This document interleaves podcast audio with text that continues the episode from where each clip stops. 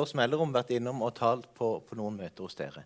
Så sa hun det at jeg var litt i familie. og det, Jeg har altså en svoger, svigerinne og nieser og en nevø som er her.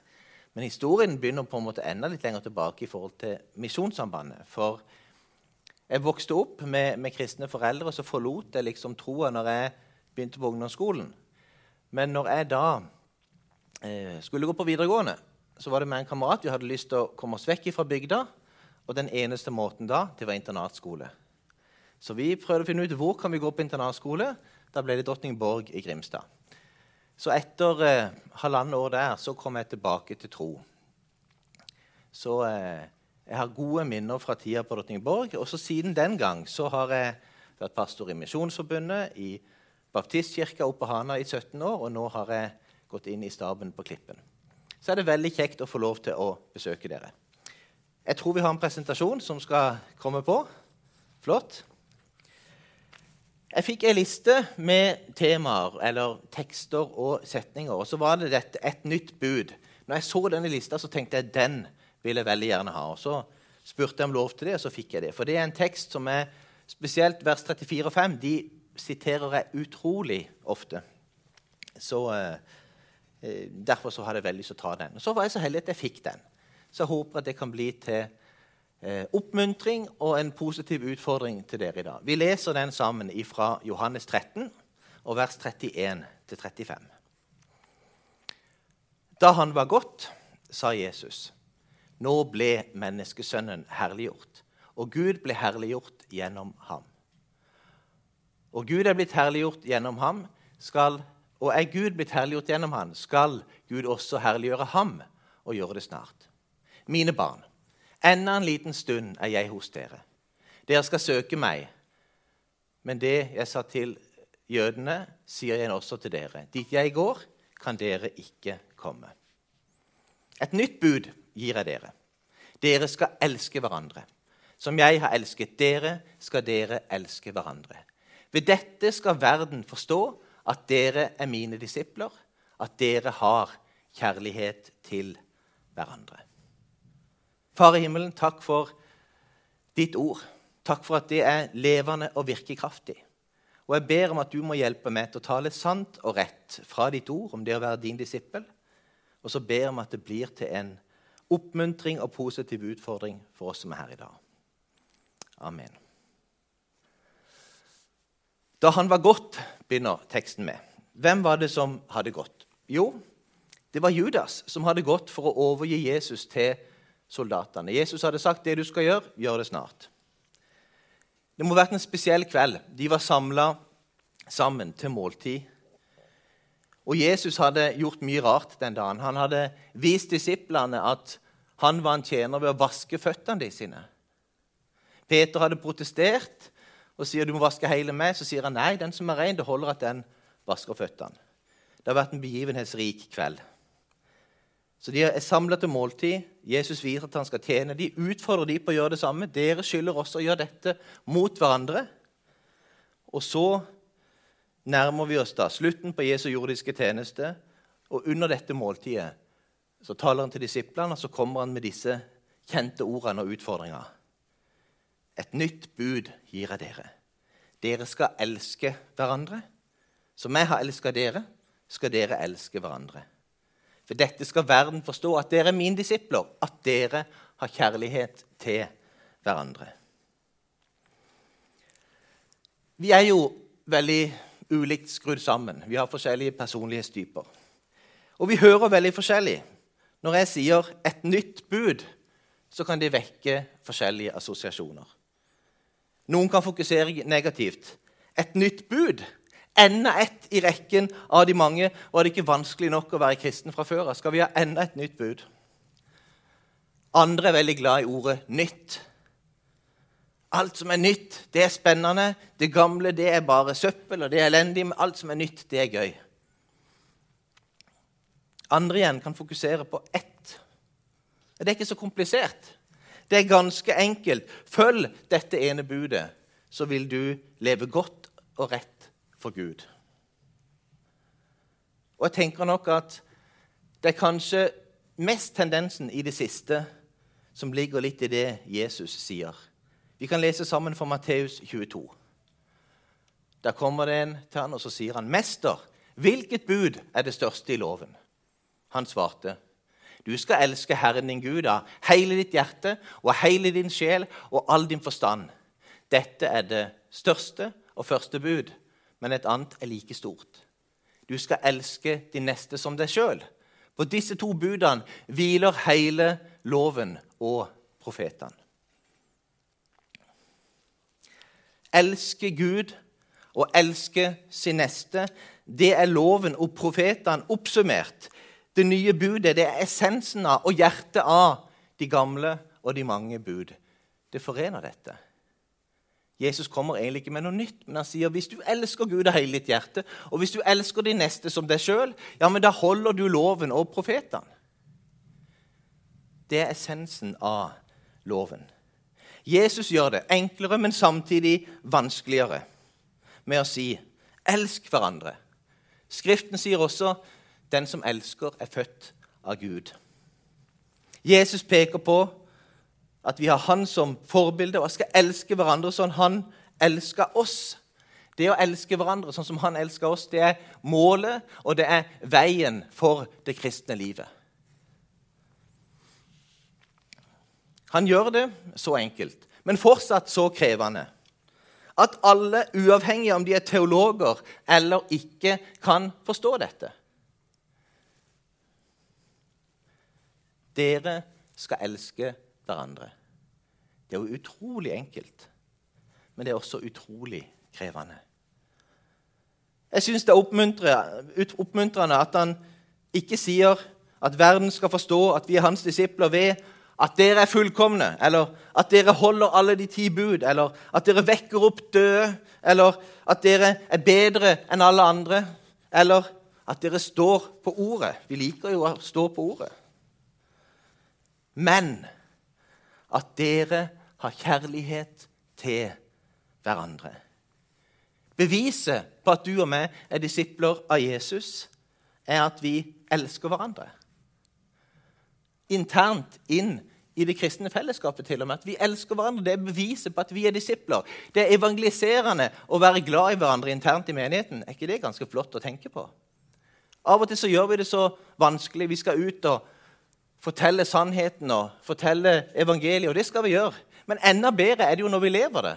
På samme måte som Gud ble menneske for å vise sin kjærlighet, så skal vi få lov til å leve ut den kjærligheten han har gitt i forhold til hverandre, og også inkludere de på utsida. Det er ikke så komplisert. Det er det han kaller oss til. Vise kjærlighet. Det er beviset på at vi er hans disipler. Måten vi behandler hverandre på, blir et bevis for verden på at vi er Jesu disipler. Og Vi kan flytte det helt inn i hverdagen. Det gjelder i våre familier. Er det Jesu kjærlighet som preger oss der? Det gjelder internt i våre forsamlinger. Jeg har vært i menighet lenge nok til å vite at temperaturen kan bli høy på menighetsmøter eller medlemsmøter. Det kan være mye splittelse og intriger internt i en menighet. Men vi er kalt til å elske hverandre. Det gjelder mellom oss og våre to søsken i våre nabomenigheter. Det har blitt utrolig mye splittelser og uenighet om forskjellige ting i Kristi legeme i Norge og i verden for øvrig. Men vi er kalt til å elske og velsigne hverandre på tvers av skillelinjene mellom kirker og kirkesamfunn. Viser vi kjærlighet? Omtaler vi hverandre med respekt? Taler vi positivt om hverandre? Oppmuntrer vi hverandre? Jo, men skal vi ikke snakke sant om det som er vanskelig og det som er feil? Skal vi ikke prøve å hjelpe hverandre til å leve rett? Jo, det tror jeg vi skal. Men først og fremst så skal vi elske hverandre. Hvis vi skal korrigere noen, så må vi gjøre det fordi vi elsker dem. Kjærligheten må være drivkraften i alle ting. Var dette noe som prega de første kristne? da? Ja, vi kan gå til en av de mest siterte tekstene om den første menighet. Apostlenes gjerninger 2, og vers 44-47. Alle de troende holdt sammen og hadde alt felles. De solgte eiendommene sine og det de ellers eide, og delte ut til alle ettersom hver enkelt trengte det. Hver dag holdt de trofast sammen på tempelplassen. Og hjemmene brøt de brødet og spiste sammen med oppriktig og hjertelig glede. De sang og lovpriste Gud og var godt likt i hele folket. Og hver dag la Herren til nye som lot seg frelse. Dette er det bildet vi ofte har av den første fullkomne menighet. Og vi vet jo når vi leser Bibelen, at de var ikke fullkomne. Vi kan lese beskrivelser der de ble uvenner og de krangla. Men dette er vitnesbyrdet at de var godt likt i hele folket. Og én ting er jeg sikker på vi har mista noe som de hadde mye mer av når det kommer til det livsnære og daglige i troa. Ting forandrer seg etter et par tusen år med organisert kristen religion. Det står at de holdt sammen, hadde alt felles, delt ut til alle etter behov. Hver dag var de på tempelplassene, Hjemme brøyt de brød og spiste sammen. Med oppriktig og hjertelig glede. Var godt likt av hele folket. Elska hverandre. Holdt sammen, dekka hverandres behov. Og menneskene rundt likte det de så, for teksten sier det. De sang og lovpriste Gud og var godt likt i hele folket. Og hver dag la Herren til nye som lot seg frelse. Det de så, og den kjærligheten menneskene så, den var attraktiv. Mennesker så kjærligheten, og det var attraktivt. Jeg fikk for rundt 20 år siden gleden av å møte en åndelig kjempe som het Armin Geschwein. Han var en gammel luthersk prest. Han er nå hjemme hos Jesus. Han hørte om en vekkelse som brøt ut i Norge i Oslo på 30-tallet med Frank Mangs. Han besøkte Norge og så det han mente var den sterkeste vekkelsen han noen gang hadde sett. Den hellige ånds bevegelse og overbevisning om synd var så sterk at han ble der og forkynte i over to år. Og Noen kilder mener at hans tjeneste kan ha ført 100 000 nordmenn til Jesus. Seinere ble han en bønne- og vekkelsesgeneral i Amerika. Og det var under hans bønnesamlinger i Los Angeles at en ung evangelist som het Billy Graham, ble invitert til å holde en møtekampanje i 1948. Under de store kampanjene til Billy Graham så hadde Amin Geshwan et bønnetelt ved siden av der det var hundrevis av mennesker samla i bønn. Og Han delte et lite og enkelt prinsipp, og han skrev en liten bok som heter 'Vekkelsens lov'. Han tar utgangspunkt i Johannes 16, vers 8. Og når han, talsmannen, kommer, skal gå i rette med verden og vise den hva synd er, rettferdighet er, og hva dom er. Talsmannen, det er Den hellige ånd. Hvor bor Den hellige ånd? Jo, den bor i hjertet på oss som tror. Så når Gud skal gjøre noe, så vil den enkleste måten å gjøre det være å gjøre det gjennom sitt folk. Gjennom Guds barn, de som har fått Den hellige ånd. Og Han sier prinsippet er det at Guds, Gud berører syndere i den grad han får berøre oss. Åndens tvega sverd det svinges først inn i menigheten og deretter ut i samfunnet. Om vi elsker Gud og hverandre, så vil menneskene som ikke kjenner Han, se det og begynne å elske Gud. Så min jobb det er ikke grunn til å peke på alt det gale folk gjør, eller den manglende kjærligheten de har til Gud. Min jobb det er å elske Jesus enda mer og holde meg sjøl nær til Gud. Leve sammen med Han, så hans liv kan bli synlig gjennom meg og mitt liv. Det er det vi er kalt det som menigheter. Leve nært på Jesus. Elske Gud, elske hverandre, sånn at hans kjærlighet blir synlig og virksom i vårt fellesskap. Og da vil det berøre menneskene rundt oss.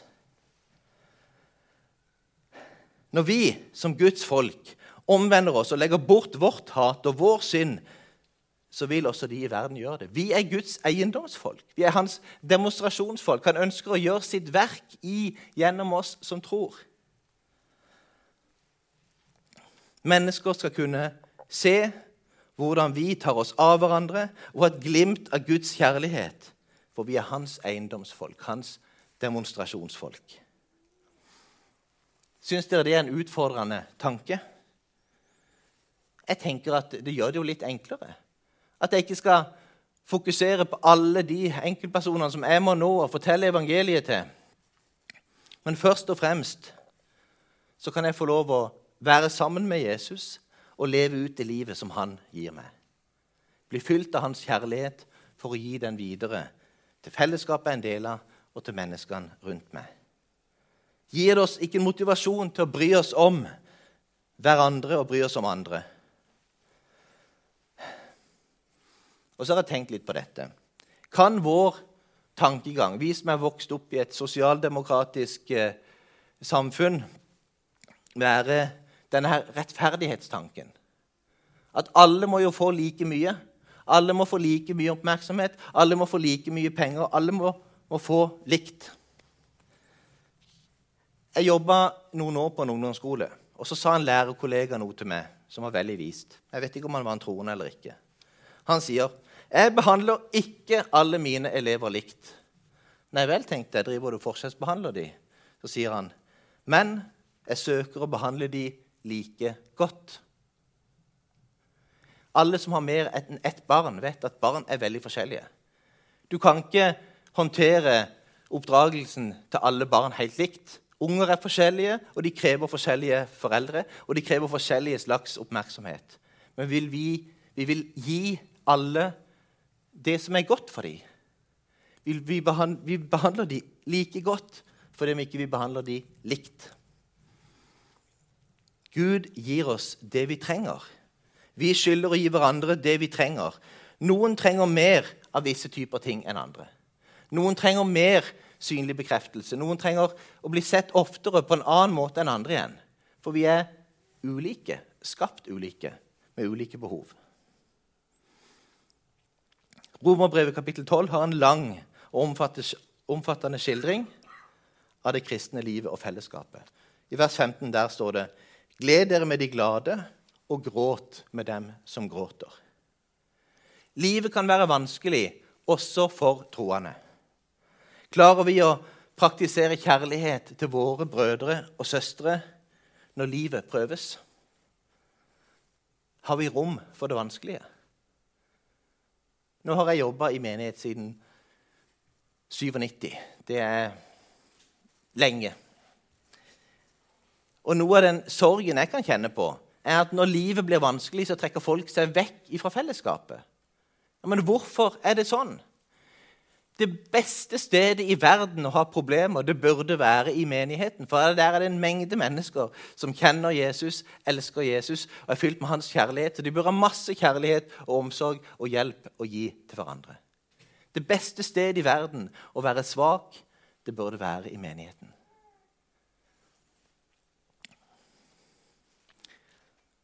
Troende sliter med livet. Og når de gjør det, skal de møtes med ei utdrakt hånd.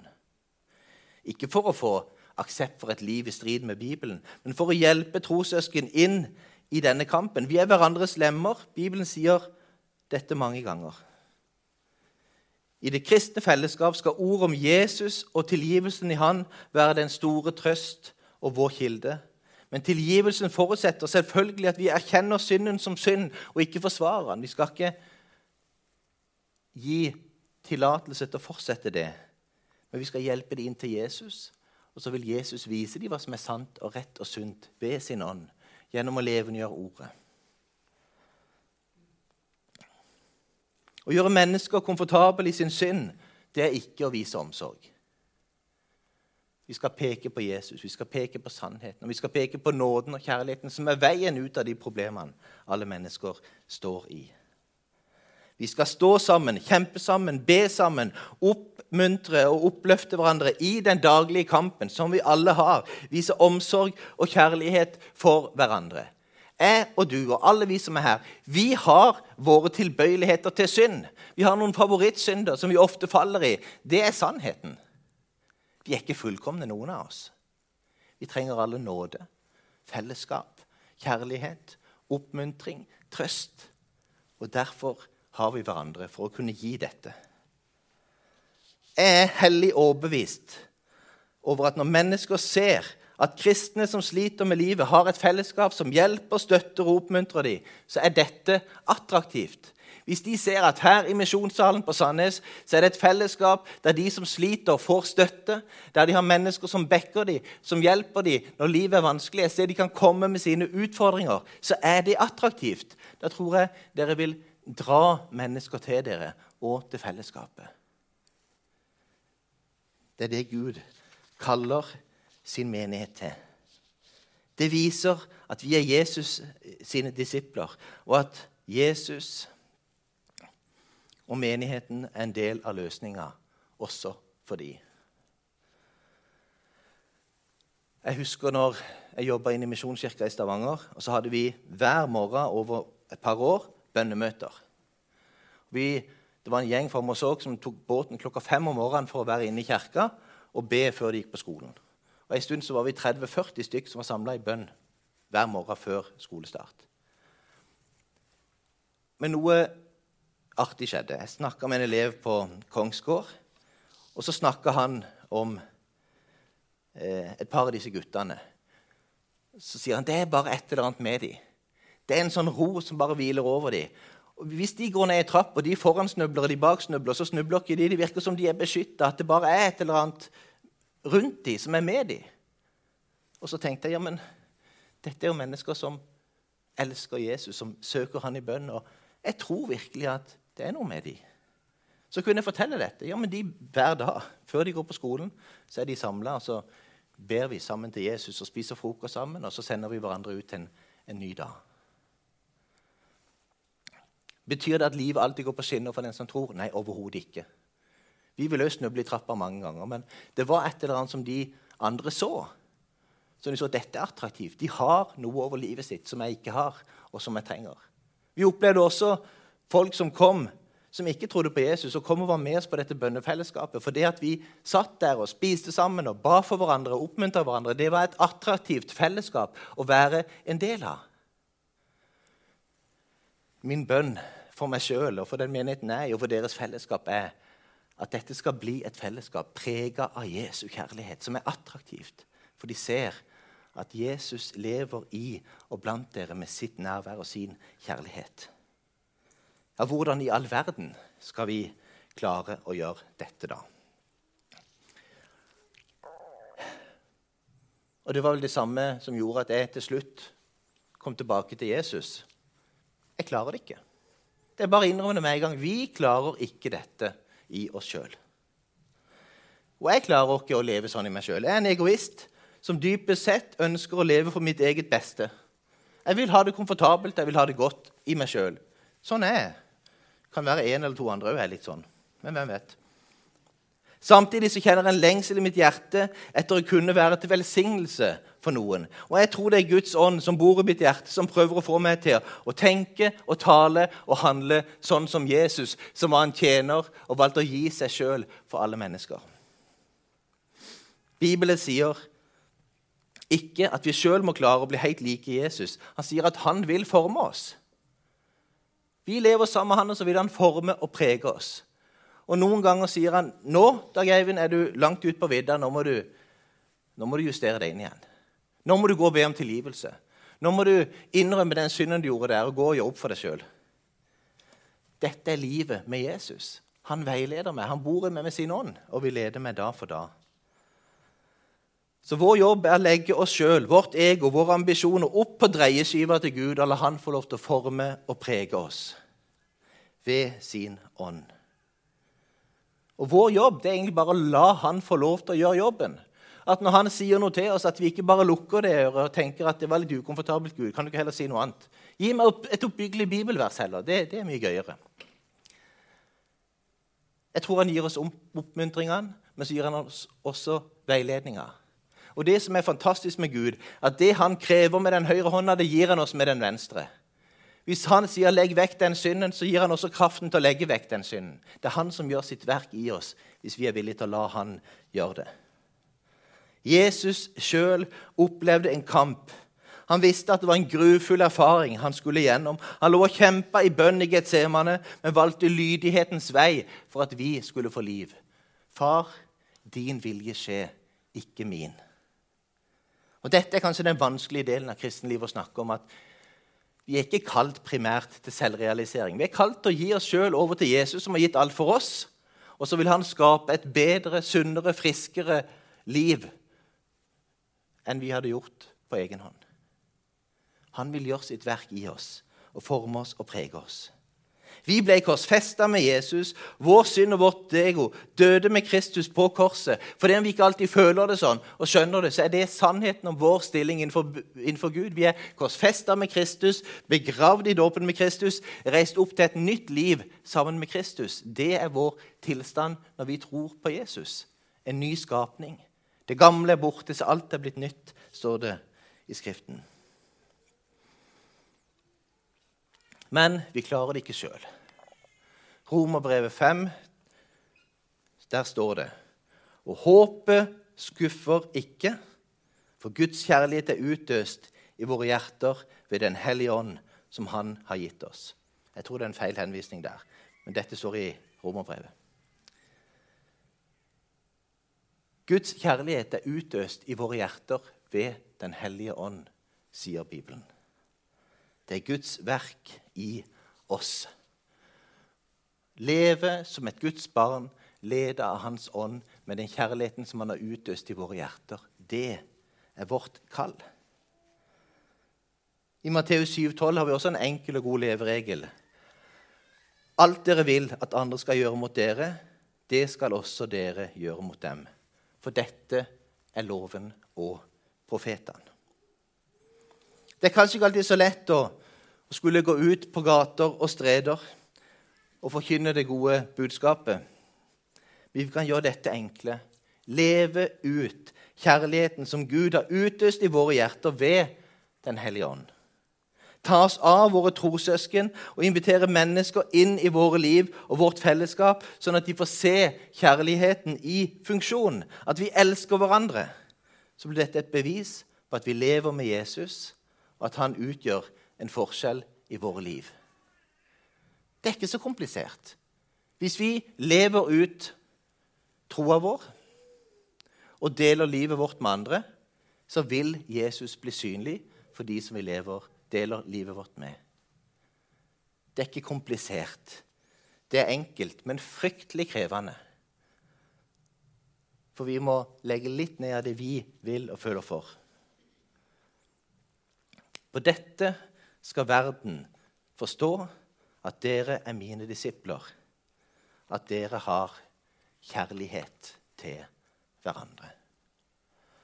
Takk, himmelske Far, for ditt ord. Og takk, Jesus, for at du viste oss veien. Du vaska disiplenes føtter. Du tjente dem, og du valgte å dø for oss. Takk, Herre, for vi er fått, fått bli begravet sammen med deg. Det gamle er borte, og så har vi reist opp til et nytt liv sammen med deg.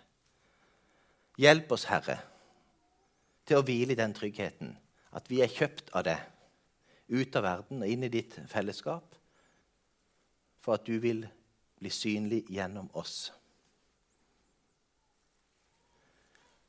Gjør ditt verk i mitt liv, og gjør ditt verk i livet til alle som er her i dag. Jeg ber om at misjonssalen skal bli et sted hvor din kjærlighet er virksom og synlig, sånn at mennesker ser at de er disipler. De får et glimt av deg, Gud, og av din kjærlighet og nåde. Kom med ditt nærvær. Fyll dem med din Hellige Ånd, og la dem være drevet av det. Vi ber om i Jesu navn. Amen.